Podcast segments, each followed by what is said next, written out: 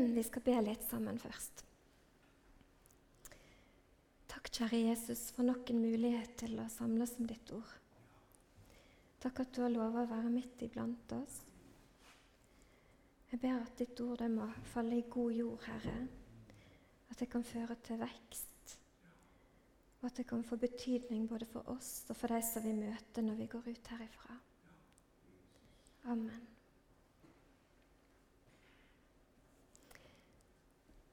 I løpet av livet kan vi, eller noen som står oss nær, oppleve å bli urettferdig behandla eller dårlig behandla av andre mennesker.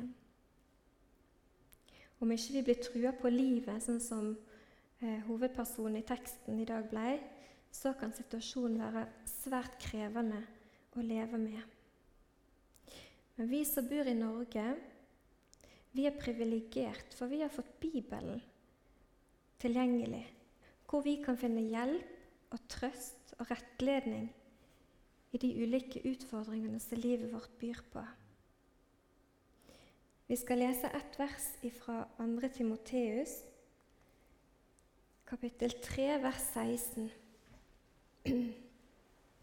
Hele Skriften er inspirert av Gud og nyttig til lærdom, til overbevisning, til rettledning, til opptuktelse i rettferdighet, for at Guds menneske kan være fullkomment, satt i stand til all god gjerning.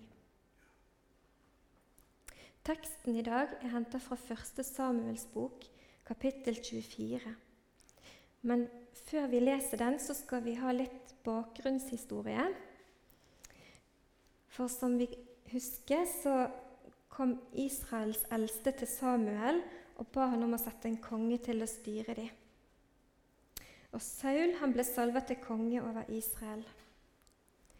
I 1. Samuels bok, kapittel 9, vers 2, så står det at Saul han var en ung og vakker mann. Det fantes ikke en mann blant Israels barn som var vakrere enn han. Han var et hode høyere enn alt folket. Men selv om kong Saul var både vakker og stor av vekst, var han liten i karakter. Han var så liten at han ikke tålte å se at en som var yngre enn han, var både modigere og mer populær enn han sjøl. Og pga. Sauls misunnelse ble David tvunget på flukt. Ute i Judeas villmark, hvor David var leder for en geriljagruppe på 600 menn. Saul jobba iherdig for å finne David og drepe han. I 1. Samuels bok 23, vers 14 står det at siden, siden holdt David til i ørkenen, i fjellborgene. Han holdt til i fjellene i Sivs ørken. Saul lette etter han hele tiden, men Gud ga han ikke i hans hånd. Det var ikke snakk om å få en pause fra denne forfølgelsen. Gud han forberedte David på hans nye rolle som konge over Israel, men i årevis, og som vi leste hele tida, jakte Saul på David. Og det var ikke bare Saul David hadde å, frykte. For Saul han kalte sammen alt folket for å kringsette David og hans menn. Et øyeblikk så det ut til at Saul skulle lykkes med å ta David. Men akkurat da fikk Saul beskjed om at filistrene hadde falt inn i landet, så Saul dro ut mot filistrene. Og David han drog da opp i fjellborgene ved Engedi. Og Engedi det var et perfekt sted, et gjemmested for David og hans menn. Det var en oase i ørkenen hvor det var friskt vann, og det var mange huler der hvor man kunne gjemme seg. Vi leser fra 1. Samuels bok, kapittel 24, vers 2-5. Da Saul kom tilbake etter at han hadde forfulgt filistrene, fikk han spurt at David var i en Gedis ørken. Saul tok da med seg 3000 mann som han hadde valgt ut blant hele Israel. De dro av sted for å lete etter David og hans menn på Steinbukkbergene. Han kom da til sauekvenet ved veien. Der var en hule, og Saul gikk dit inn i et nødvendig ærend. men David og hans menn satt innerst inne i hulen. Da sa Davids menn til han, Se, nå er den dagen kommet som Herren talte til deg om. Jeg gir din fiende i din hånd, så du kan gjøre med han som du finner for godt. Vi leste her at Saul gikk inn i en av hulene i Engedi for antagelig å få litt privatliv i et nødvendig ærend. Men det var ikke hvilken som helst hule kongen kom inn i. Det var hulen der som David og hans menn gjemte seg. Snakk om å være i en sårbar situasjon. Der satt Saul antagelig på huk rett foran øynene på fienden. Davids menn var trent for å kjempe, og her var deres fiende i sitt mest sårbare øyeblikk. For en fristelse det må ha vært for David å gi klarsignal til krigerne sine om å drepe Saul. David kunne blitt fri fra den stadige forfølgelsen. Davids menn pusha på, og som vi leste, så sa de at nå er den dagen kommet som Herren talte til deg om. Jeg gir din fiende i din hånd, så du kan gjøre med han som du finner for godt. De brukte Guds vilje som en begrunnelse for å ta livet av kongen. Når noen virkelig vil ha støtte for sin idé, så sier de gjerne det, at det er Guds vilje. Og på den måten så får Gud skylden for mange ting som han ikke har noe å gjøre med. Men hva gjorde David? Det står i vers 5.: Så sto David opp og skar hemmelig fliken av Sauls kappe. Hvorfor, tenker vi? Kanskje. Han kunne ha drept Saul, men han gjorde det ikke. Alt han gjorde, det var å skjære en flik av kongen sin kappe. Var det noe for dårlig samvittighet for? Hvem bryr seg? Hvem legger merke til at det mangler et lite stykke av kappen? Sånn rasjonaliserer vi når vi møter fristelse. Hvem bryr seg f.eks. om du tar med deg noen binderser fra jobb? Det er ingen som vil savne de. Dessuten fortjener du kanskje litt ekstra. Men når vi virkelig ønsker å leve med Gud, så blir detaljene viktige. Samvittigheten plager oss når vi f.eks. svarer igjen, selv om det bare var med ett ord. David var en mann etter Guds hjerte. Og David han var følsom for hva som var Guds vilje. Vi har noe å lære av David her. Tilbake til fortellingen.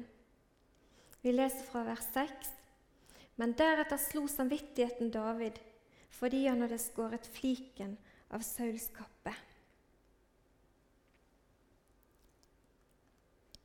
Nei, vi leser her fra vers 7. Herren, fri meg fra å gjøre slik mot min Herre, mot Herrens salvede, og legge hånd på Han, for Herrens salvede er Han. Det David sa, var at Saul han er konge. Uansett hvor urettferdig han er mot meg, har jeg ikke rett til å gjøre dette mot han. David fikk dårlig samvittighet. Han hadde stor respekt for kongen, for Herrens salvede. Tenk å klare å se det sånn det får meg til å tenke på hvordan vi ser på de som har gjort oss urett eller behandler oss dårlig.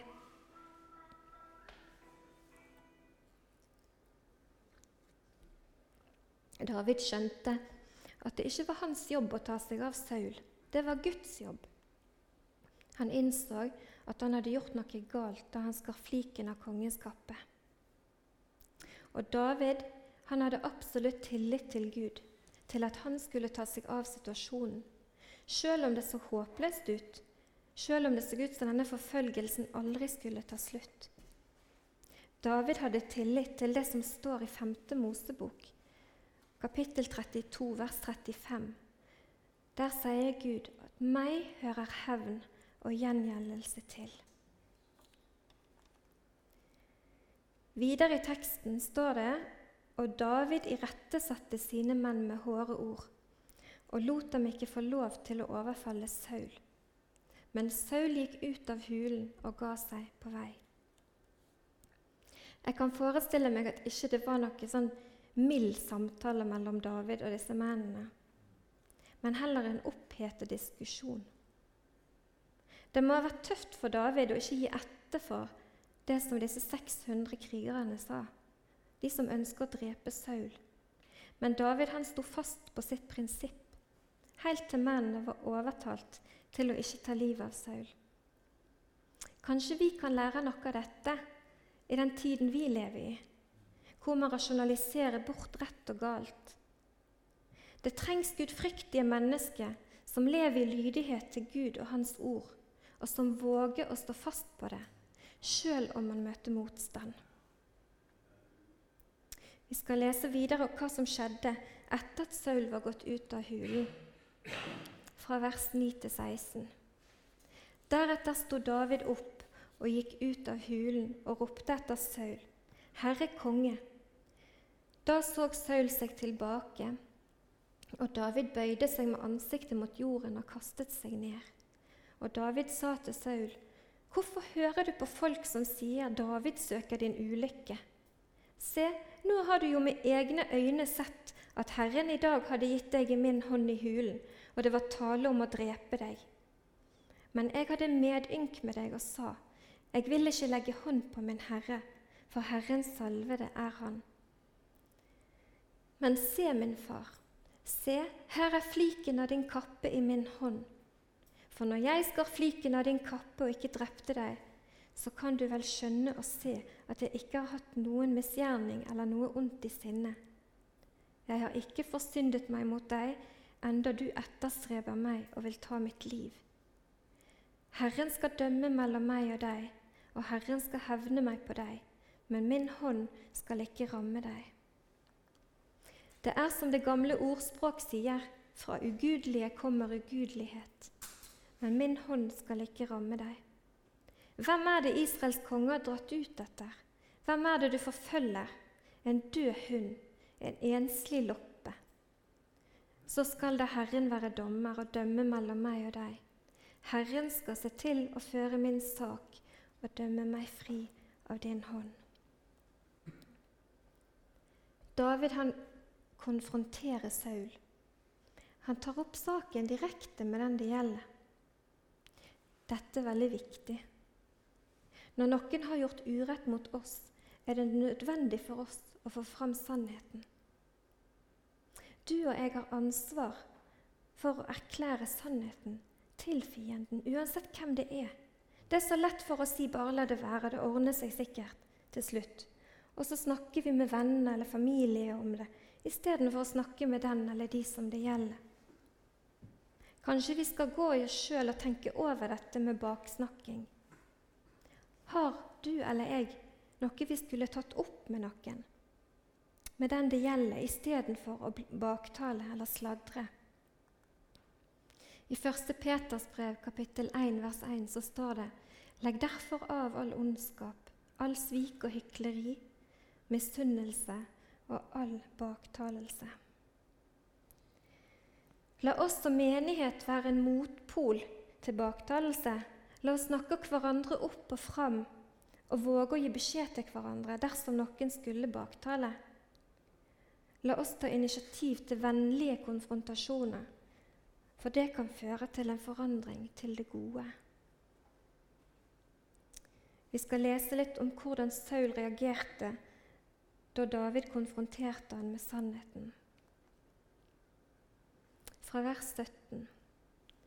Da når David hadde talt disse ordene til Saul, da sa Saul, Er det du som taler, min sønn David?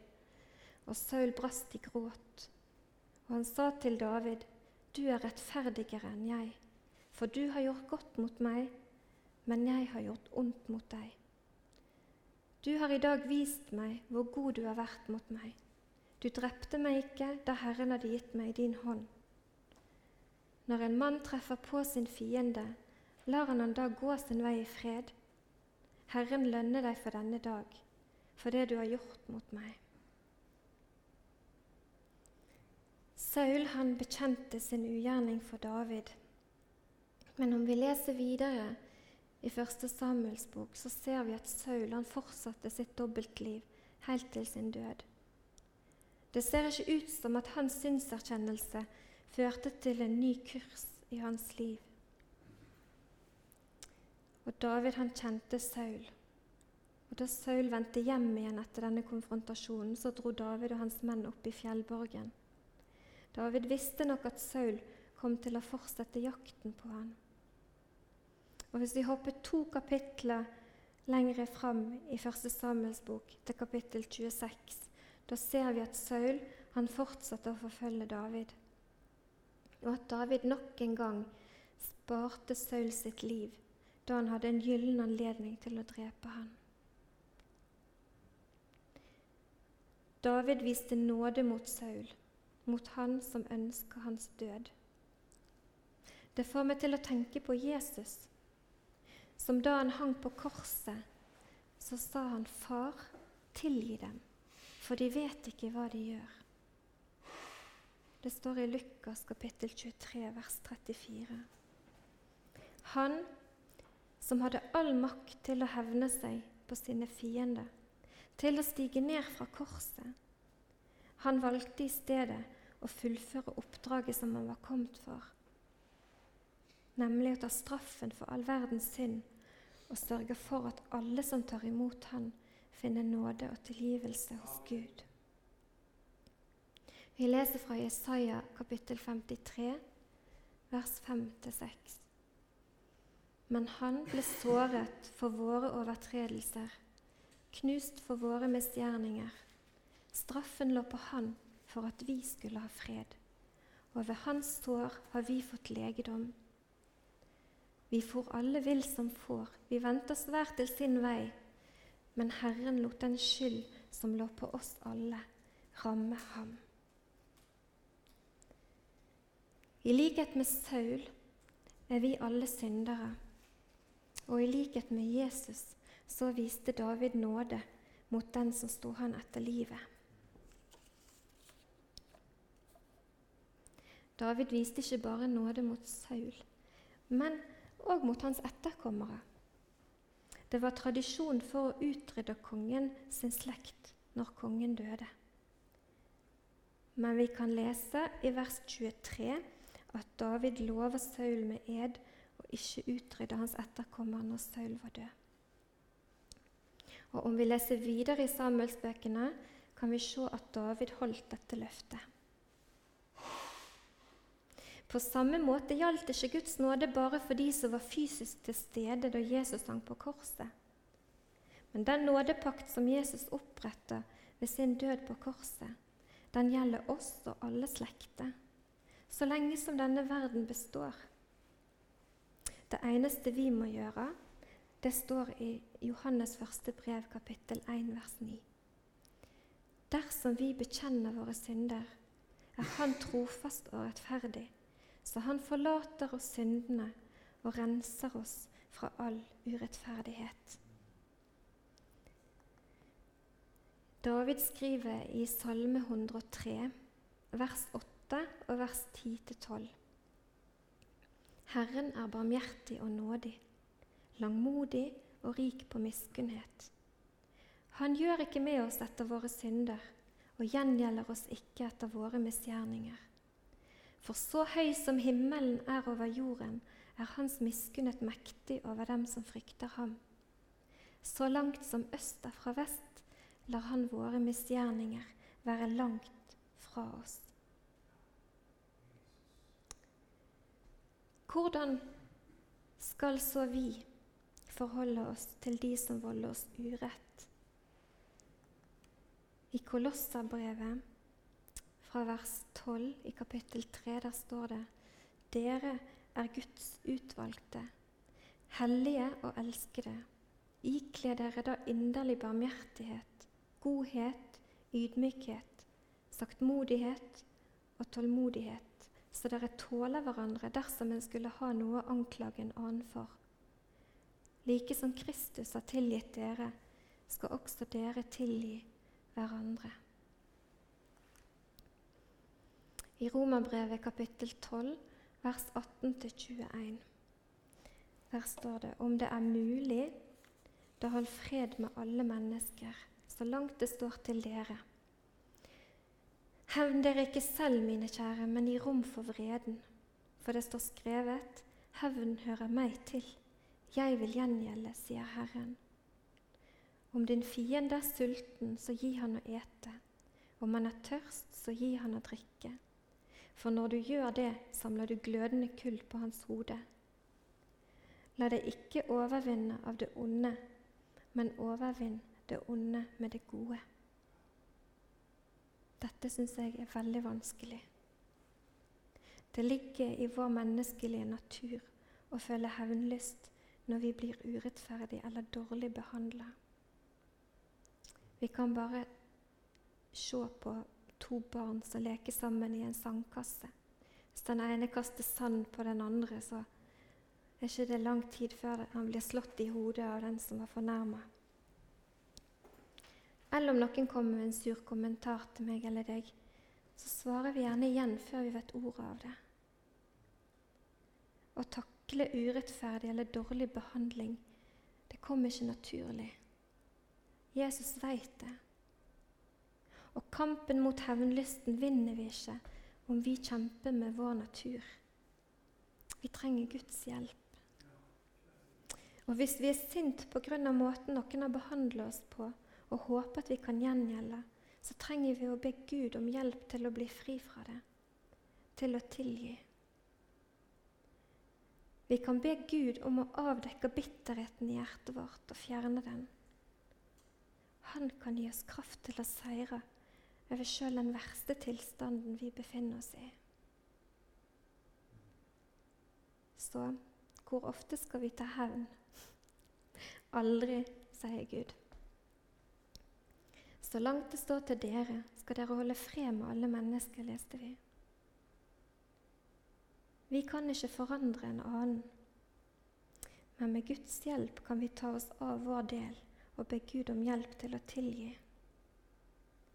Resten skal vi overlate til Gud, slik David gjorde da han sa til Saul at Herren skal dømme mellom meg og deg, og Herren skal hevne meg på deg men min hånd skal ikke ramme deg.